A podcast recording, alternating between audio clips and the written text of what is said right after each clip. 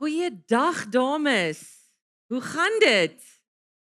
Dit is my so lekker om vandag saam met julle te gesels. Net gaan hierso kyk. Dat hy aangaan.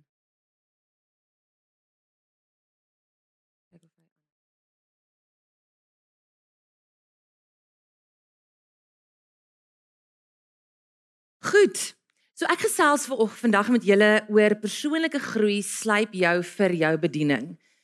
Dit is iets wat nie die lekkerste ding is altyd nie om deur persoonlike slyping te gaan en om baie keer bietjie swaar te kry en deur moeilike tye te gaan is nie altyd so vreeslik lekker nie, maar ek het gesien deur die loop van my lewe dat dit een van die belangrikste goeders is.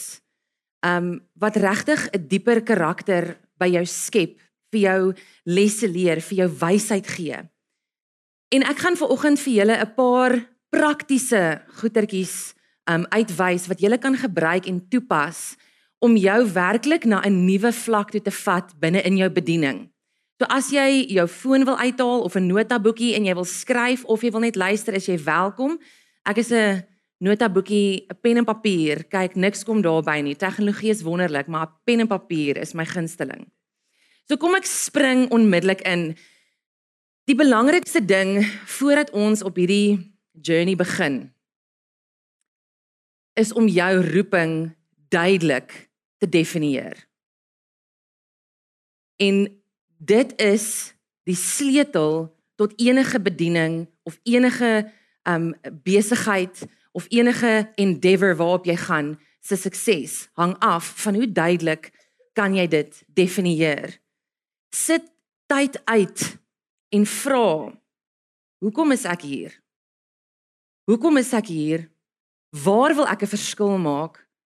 Wat is my gawes en my talente en waar pas my spesifieke gawes en talente in en hoe komplementeer dit my roeping? Toe ek jonger was, ehm um, ek ek is maar nog net 36, ek is eintlik maar nog nat agter die ore maar ek eh, glo dat ek darm al 'n paar lesse geleer het en ek het verskriklik jonk het ek begin in 'n rigting instap en geglo ek weet wat my bediening is en wat ek wil doen. Ek was 13 jaar oud toe ek begin worship lei het, aanbiddingslei het hier by Moreletta Park.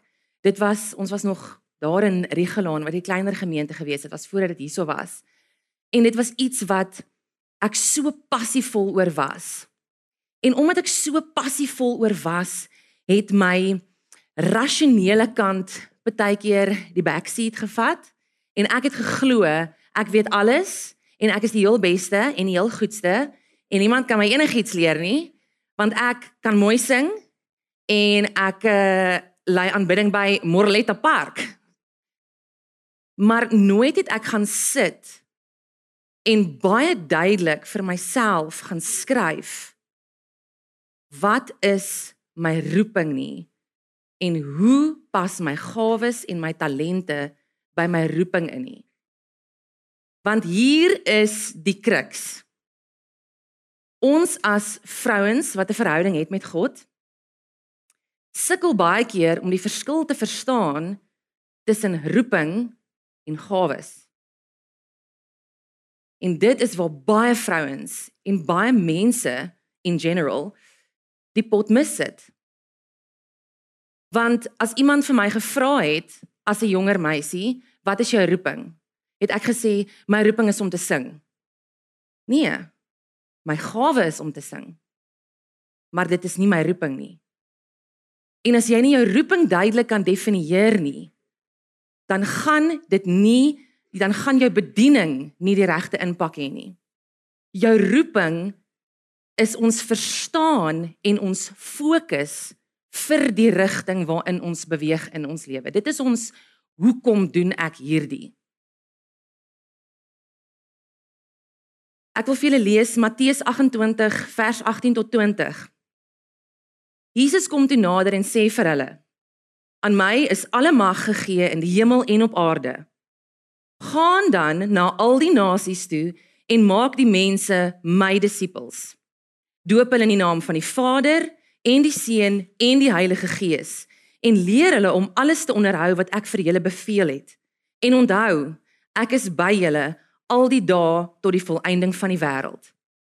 En net daar in Matteus 28 kom gee die Here vir ons ons roeping op 'n silwerskinkbord. Jy hoef dit nie uit te figure nie. Jy hoef nie op 'n groot exploration te gaan en ontdekkingsreis om te vra, wat is my roeping, Here?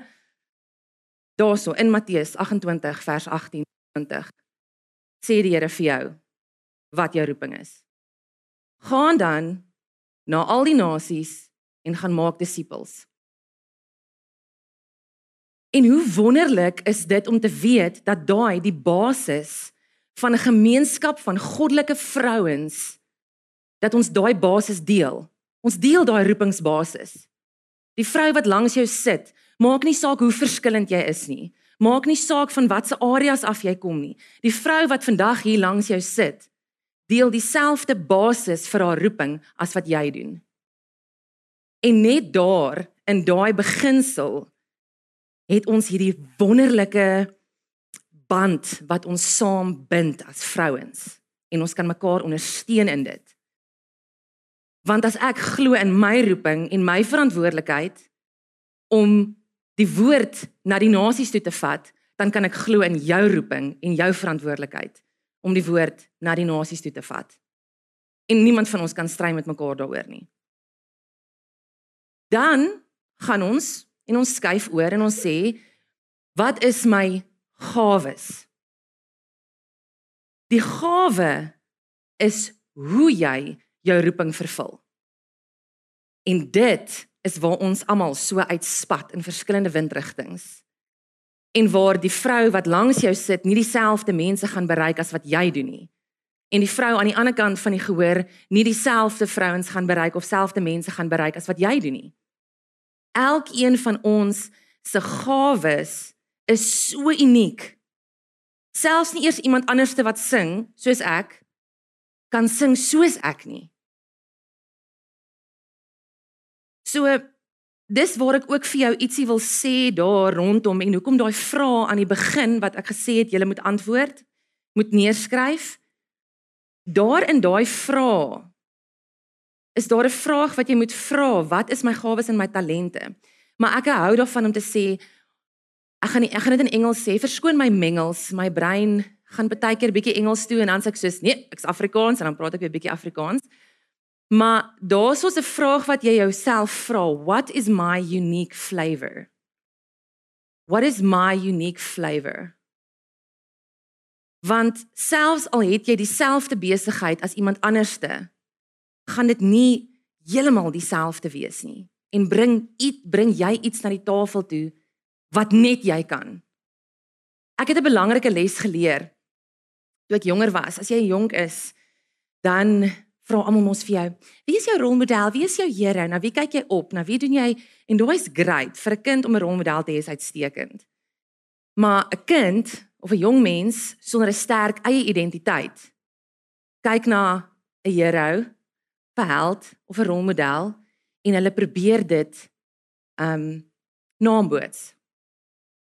In plaas daarvan om in plaas daarvan om 'n les te vat, te leer en dit toe te pas in my eie unieke karakter en menswees.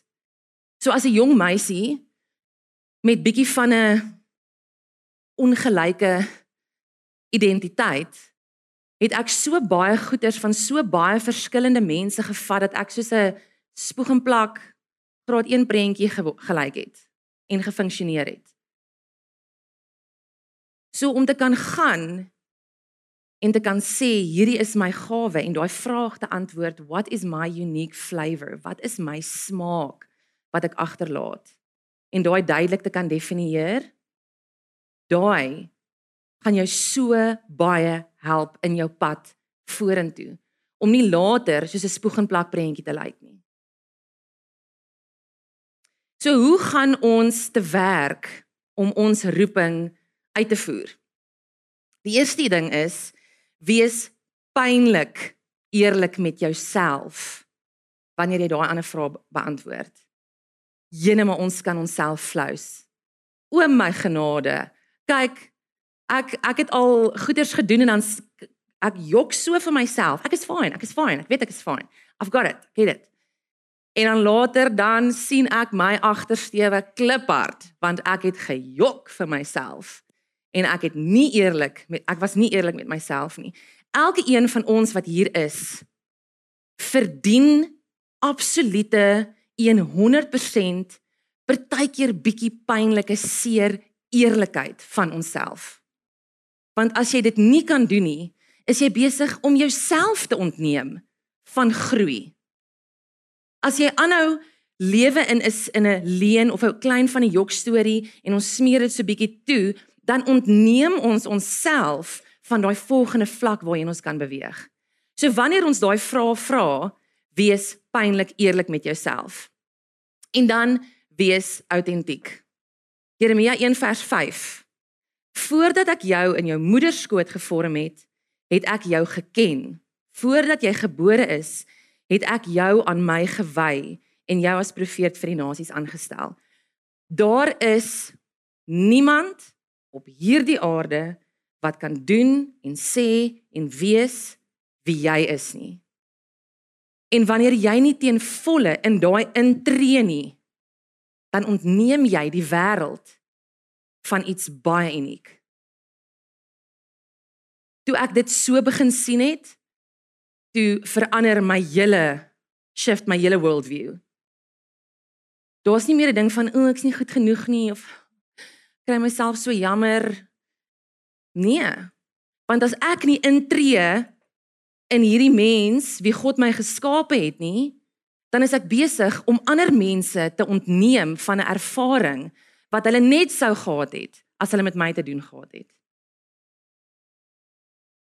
God kan nog steeds hulle op 'n pad vat en 'n en 'n 'n journey lei en by hulle antwoorde uitbring, want as jy nie luister wanneer hy praat en sê om iets te doen nie, dan gaan hy hulle nie ontneem van hulle groei nie, maar jy ontneem hulle van 'n spesifieke ervaring wat hulle net sou kon gehad het as hulle met jou te doen gehad het. Maak tyd om God se stem te hoor. Daai klink so so eenvoudige ding. Wie van julle hou stilte tyd in die oggend? Wie van julle hou stilte tyd in die dag? Whenever. Okay, daar sê. Nou wil ek jou vra, hoe lyk jou stilte tyd? My stilte tyd was altyd, "O, oh, Here, asseblief. Here, kan jy asb oh, hierdie en hierdie en daai en ek praat en ek praat en ek journal, journal en ek lees my Bybel en ek skryf en ek soos En op 'n stadium gaan ek deur goeders in my lewe en ek is net so, die Here praat nie met my nie. Die Here praat nie met my nie. Die Here praat nie met my nie. Tot ek agtergekom het, die Here praat met my. Ek was net so besig om in my stilte tyd met hom te praat dat ek nie geleer het hoe sy stem klink nie. So wanneer jy sit in jou stilte tyd, my stilte tyd lyk nou so. Ek lees my Bybel en my skrif in die aande voor ek gaan slaap spandeer dan tyd om met God te gesels. Maar ek begin my dag in absolute stilte. Ek vra vir die Here niks. Ek sit net en ek sê Here, as U met my wil praat, ek is hier om te luister. En kyk, toe ek dit die eerste keer doen, ek gaan op 'n op 'n silent retreat. En ek daai eerste dag, dan sien nou 6:00 die oggend, het jy uur wat jy net in stilte gaan in hierdie kapel in en hulle lees 'n skrifgedeelte en jy moet mediteer op die skrifgedeelte.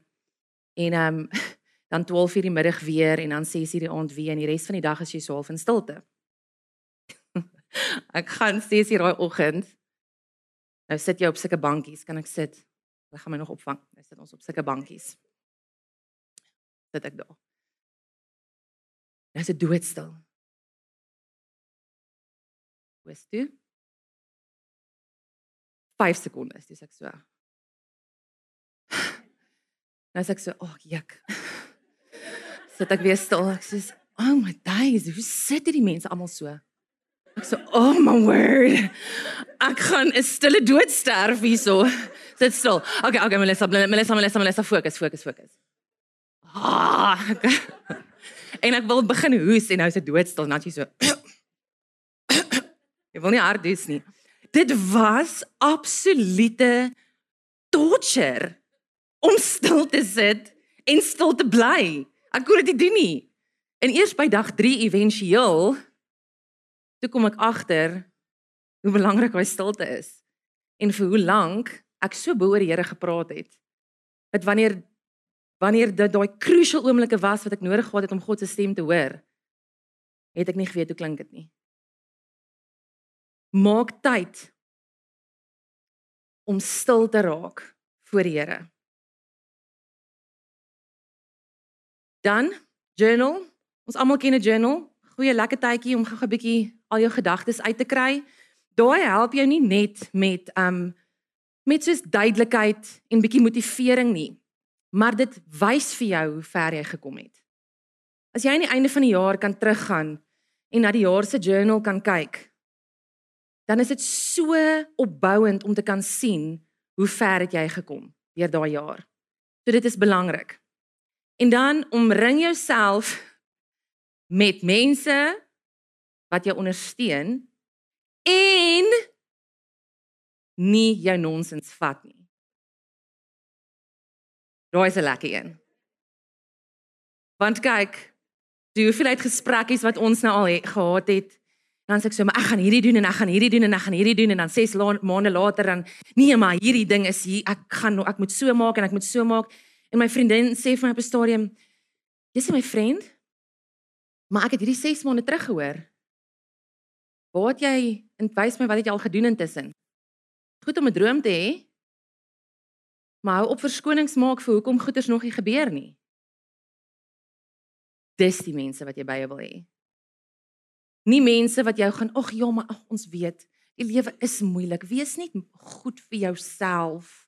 Dit is nou wel 3 jaar later en jy het nog nie die besigheid begin nie, maar wees net rustig. Daar's baie tyd. Jy's oukei.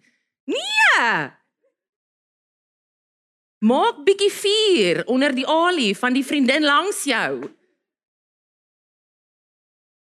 Dit is wat ons nodig het. Omring jouself met daai mense nie die mense wat jou verskonings gaan indulge nie want dit gaan jou nêrens bring nie en dan moet jy vir jouself vra wat is die doelwit wat ek in hierdie proses wil bereik en wees baie duidelik en wanneer jy daai doelwit definieer is daar die drie goeters waarna ons moet kyk ons almal weet ons is geskape siel gees en liggaam en alles wat jy doen in hierdie lewe met intensie moet jy vir jouself vra wat is die effek wat dit het op my siel, gees en liggaam? En hoe gaan hierdie ding wat ek doen 'n effek en verandering in die wêreld bring op ander mense se gees, siel en liggaamsvlak? Wanneer ons net kyk na een gedeeltjie en ons leef gekompartmentaliseer in een deel, kan ons nie heel gesonde en driven mense wees nie want jy kan nie een van daai dele af na een kant toe skuif nie. Jou siel die siel is die bron van jou emosies, jou intellek, die ding waarmee jy besluite maak, dis jou siel, jou sielsmens.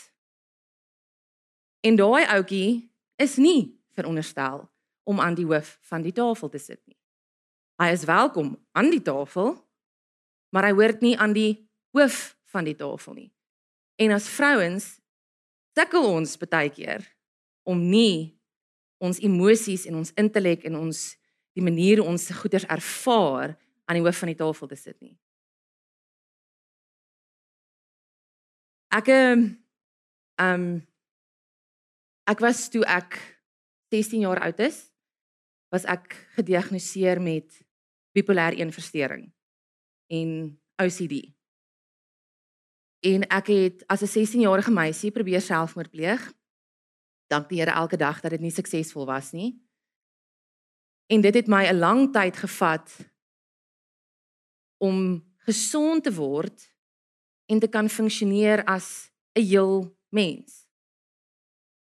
En wat hierdie konsep, die siel, gees en liggaam vir my so duidelik gemaak het in my lewe, was my pad daardeur.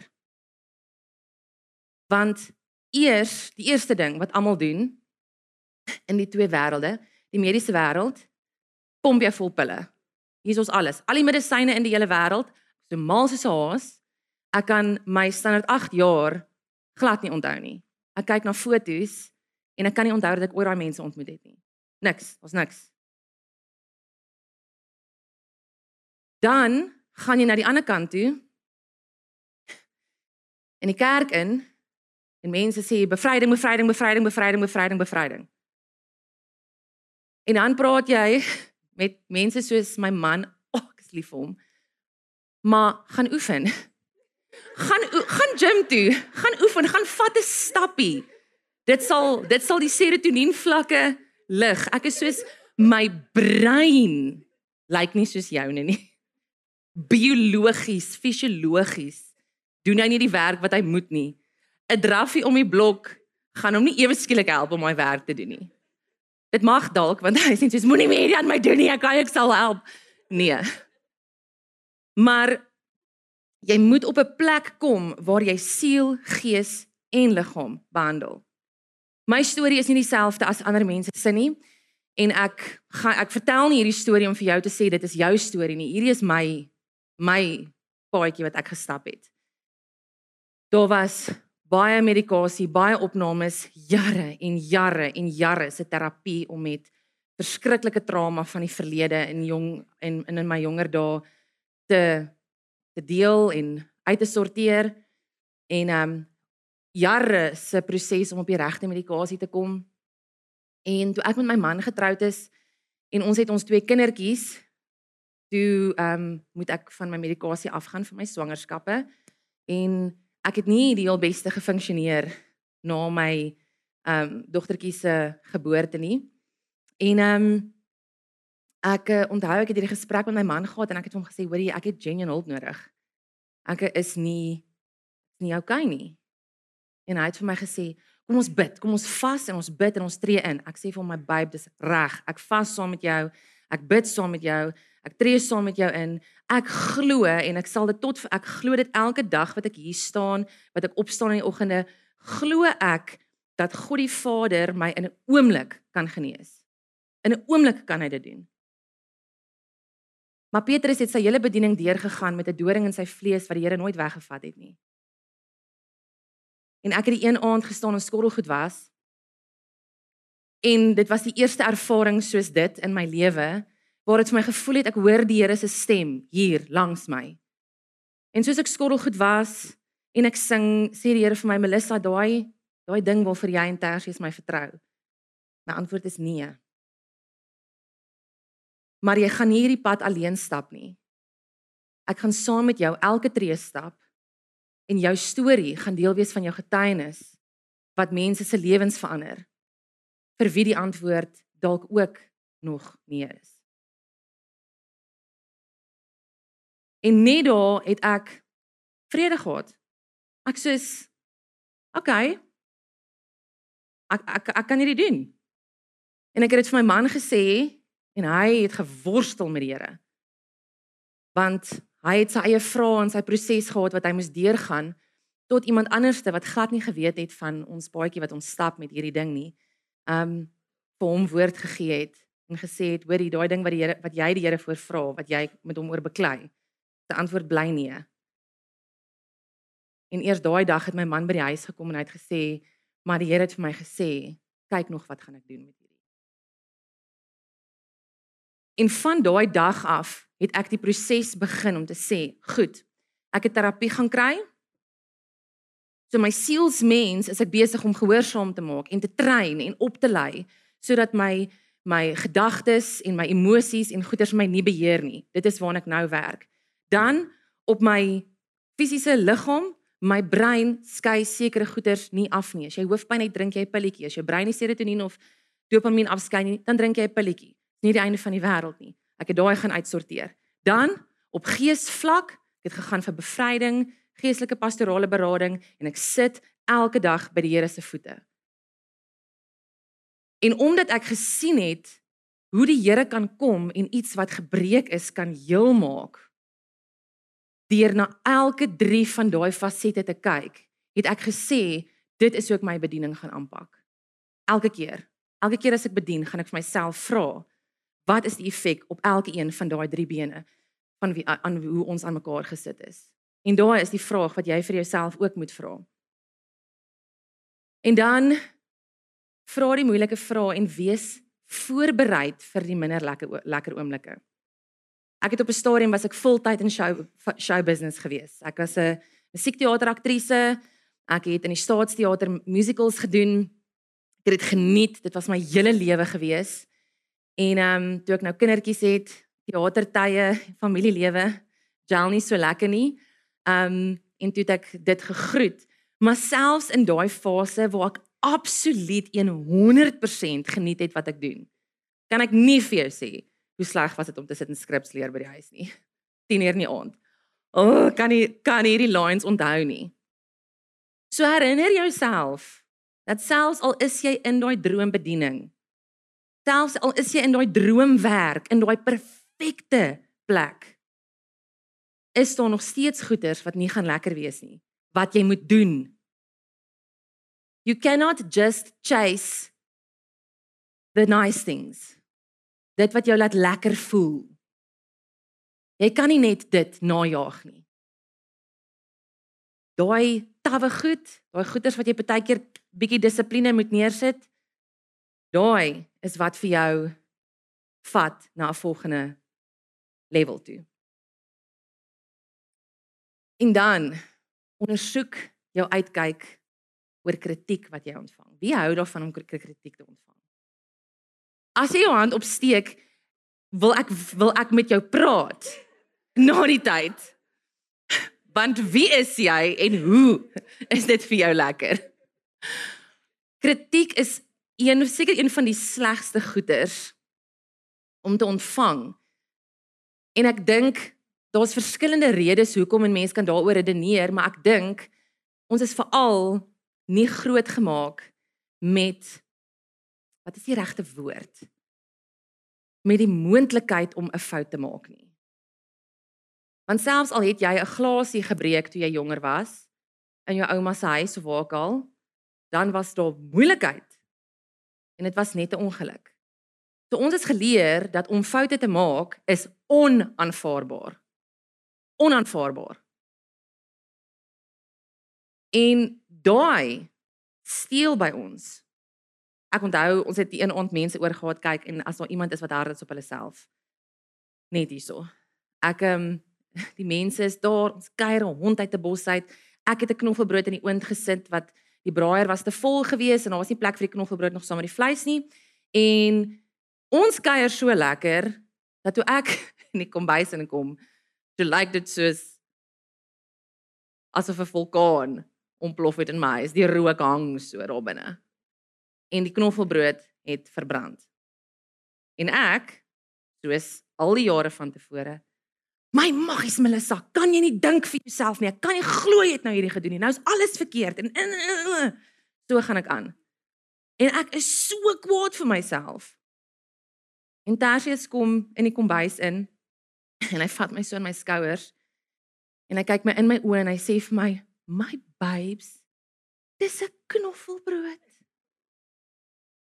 en dis 'n fout daar is genoeg vleis en slaai jy hoef nie jouself te kruisig oor hierdie fout wat jy gemaak het nie en vir die eerste keer in my lewe is ek so bewus van hoe kwaai ek met myself is wanneer ek 'n fout maak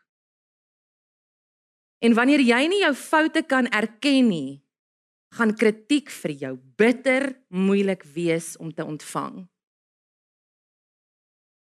Vandag nog is dit iets wat nie altyd natuurlik vir my kom nie, maar dis iets waarmee ek my kinders wil grootmaak en as ek te vinnig gereageer het op iets en my dogtertjie kom na my toe en sy sê mamma, toe jy daai gedoen het, dit was nogals nie vir my lekker gewees nie. Dan sê ek vir my liefie, Mamma was verkeerd. Bitter jammer daaroor. Ek sal oplet om dit nie weer te doen nie. Want ek wil hê sy moet kan sien dat dit is oukei okay om 'n fout te maak. Dit te kan own, die Engelse man sê, en dan jou gedrag te kan verander of kan aanpas. Maar daar's so een of twee goedjies wat jy jouself kan vra wanneer jy kritiek ontvang. So die eerste ding is identifiseer dit vir 'n geleentheid om te groei. Dis 'n geleentheid om te groei. Kritiek is nie iets wat jou gaan afbreek nie. Dis nie iets wat jou gaan iets leed aandoen nie. Dit's 'n geleentheid om te groei. Maar tweedens, probeer om die waardevolle punte in die kritiek uit te haal en toe te pas of te gaan werk aan skaaf en skuur om te leer. En onthou dan hier hier in jou agterkop. Die kritiek kom van iemand af wat ook net mens is. Met emosies. 'n Taxi het dalk voor haar ingery vanoggend. Sy is ontstel. Sy het met haar man beklei. Haar kinders het nie geluister nie. Hier het sy gekom, sy het hierdie stukkie kritiek wat sy vir jou, vir jou wil oordra en al daai subtext kom saam met daai kritiek uit na jou toe. En of jy kan 'n oomblik vat om te kan identifiseer wat is waardevolle inligting en wat is haar eie persoonlike of sy eie persoonlike situasie wat saam met dit is of jy kan net gaan eh, ek wil dit nie hê nie en uitmis op 'n geleentheid om te groei. So identifiseer altyd die positiewe, maar kyk ook wat is die oord van die kritiek. Vra die Here om vir jou 'n gees van onderskeid te gee wanneer dit kom by kritiek. Sodat jy dit wat jy nodig het om te verander kan hoor dat jou ore oop is daarvoor. Dat jy dit nie ook deur 'n filter hoor nie. Maar dat jy hoor wat die boodskap duidelik is wat oorgedra word. Kyk die oord van waar af dit kom. Lees die subteks, vat die goeie daar uit en pas dit toe om beter te wees. En herinner jouself, dit is oukei okay om foute te maak. Kom ons almal sê dit saam. Dit is okay om foute te maak. Daar's een of twee van julle wat dit nie gesê het nie. Ek gaan julle laat opstaan. en dit hardop sê of ek sal vir jou hande op lê. So daai is bitter belangrik. Moenie kritiek net wegwys omdat dit ongemaklik voel nie. Vat dit. En dan die verantwoordelikheid wat enige vrou in besigheid, bediening, ma wees, huwelik het en hoe pas daai eie ek in by dit. Dit is iets wat ek elke keer wanneer ek op 'n verhoog is en ek lei worship of ek praat met vrouens of selfs wanneer ek net met my vriendinne sit en gesels herinner ek myself konstant oor wat 'n ongelooflike verantwoordelikheid elke vrou wat 'n verhouding met die Here het dra. Ek dink nie ons besef dit altyd nie. Ons is so vinnig om ons eie opinie te wil lig en ons eie status hier te wys en ons eie belangrikheid te wil kom bestempel dat die verantwoordelikheid wat ons elkeen dra partykeer vergeet te gaan. Ons is ambassadeurs van die koninkryk. We are the representatives of the kingdom hier op aarde. En as jou gedrag en jou menseverhoudings en hoe jy jou besigheid bestuur nie 'n goeie verteenwoordiging is van God nie, doen jy die koninkryk skade. En daai is iets wat ek myself konstant vra voordat ek enige iets doen. Voordat ek enige iets sê, vra ek myself hierdie vraag: gaan hierdie die koninkryk skade doen of opbou. Voor ek die kritiek gee, gaan hierdie die koninkryk opbou of skade doen. Voordat ek net my ietsie wil sê as ek en my man 'n verskilletjie het, net die laaste woordjie, gaan hierdie die koninkryk skade doen of opbou. Daai vraag kan jou hele lewe so bestuur. En dit beteken nie dat jy sekere goeders okay nie. Dink nie dat jy saamstem met alles nie. Maar vra jouself die vraag of dit nodig is om wanneer gebreekte mense reeds gebreek is, reeds bloody bruised and battered is of dit nodig is om jou opinie te lig. Of kan ons net lei deur ons voorbeeld? Bid. God se hande en voete wees. Sy liefde hier op aarde wees. Daai is die vragie wat my uit baie moeilike situasie al situasies al ge, gehelp het. Filippense 2 vers 3. Moenie iets doen uit selfsug of uit ydelle eer nie, maar in nederig maar nederigheid moet die een die ander hoër ag as homself. Just take a minute. Lees hom gou weer. Jou behoefte om reg te wees beteken dat in jou wêreld raamwerk dat ek is myne is belangriker as joune. En ek is een van daai mense baie keer nog waar ek voel maar my opinie moet gehoor word. En hoekom het hulle geen respek vir my nie? Maar hierdie ongesonde hiërargie wat ons tussen mense het, die aansien wat ons verseker is het, die pedestals waarop hierdie ons hierdie mense sit, hierdie vrouens sit. Nie net is dit glad nie regverdig teenoor hulle nie, want dit is onmoontlik vir enige mens om om perfek te wees nie. Maar dit beteken dat jy nie jouself as waardevol ag nie. We are all just people. Party van ons het 'n harder paadjie gestap en bietjie meer geleer, maar ek kan jou beloof dat as ek met elke een van julle vandag hier moet praat, is daar iets waaroor ek minder weet as elke liewe een van julle. Is daar iets wat ek by elke een van julle kan leer? En dit is hoe ons in ons verhoudings, in ons bedieninge en in ons besigheid moet wees. Wat kan ek leer by die vrou langs my? Hoe kan ek hulle ondersteun? Hoe kan ek seker maak dat hierdie ego hier binne stil bly en stil sit en gehoorsaam is? Want weer eens, die ego is gelink aan ons sielsmensie, emosies, al daai goeders.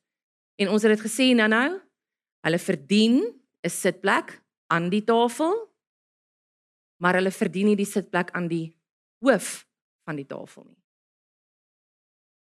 En om daai reg te hou, it's going to make you a teachable human being. Wat kan groei en kan groei en kan groei en net meer en meer waardevol kan wees in die gemeenskap en in die verhoudings van die vroue om jou. Die laaste ding wat ek vir julle wil net weer aan herinner, ek het dit vroeër gesê, daar is iets wat jy na die tafel toe bring wat niemand anders kan nie. Daar is nie een ander mens soos jy nie. En dit klink so klisjé. Maar wanneer jy dit sien vanuit die perspektief van daar is niemand soos ek nie versus wanneer ek nie my autentieke self is nie ontneem ek jou en jou en jou en jou en jou van 'n unieke ervaring wat jy net sou gehad het as jy my ontmoet het. En ons vat onsself van 'n posisie van ek is amazing, ek is uniek na hoe kan ek dien? En dit is waar jy wil wees in jou bediening. Maak seker dat die moeilike tye, dat die tawwe goeters daai slypingsproses in jou persoonlike lewe vrug dra aan die einde van die dag. Make it count. Maak dit die moeite werd. Dit is nie altyd maklik nie. Maar dit gaan die moeite werd wees as jy dit toelaat om te wees. Dankie julle.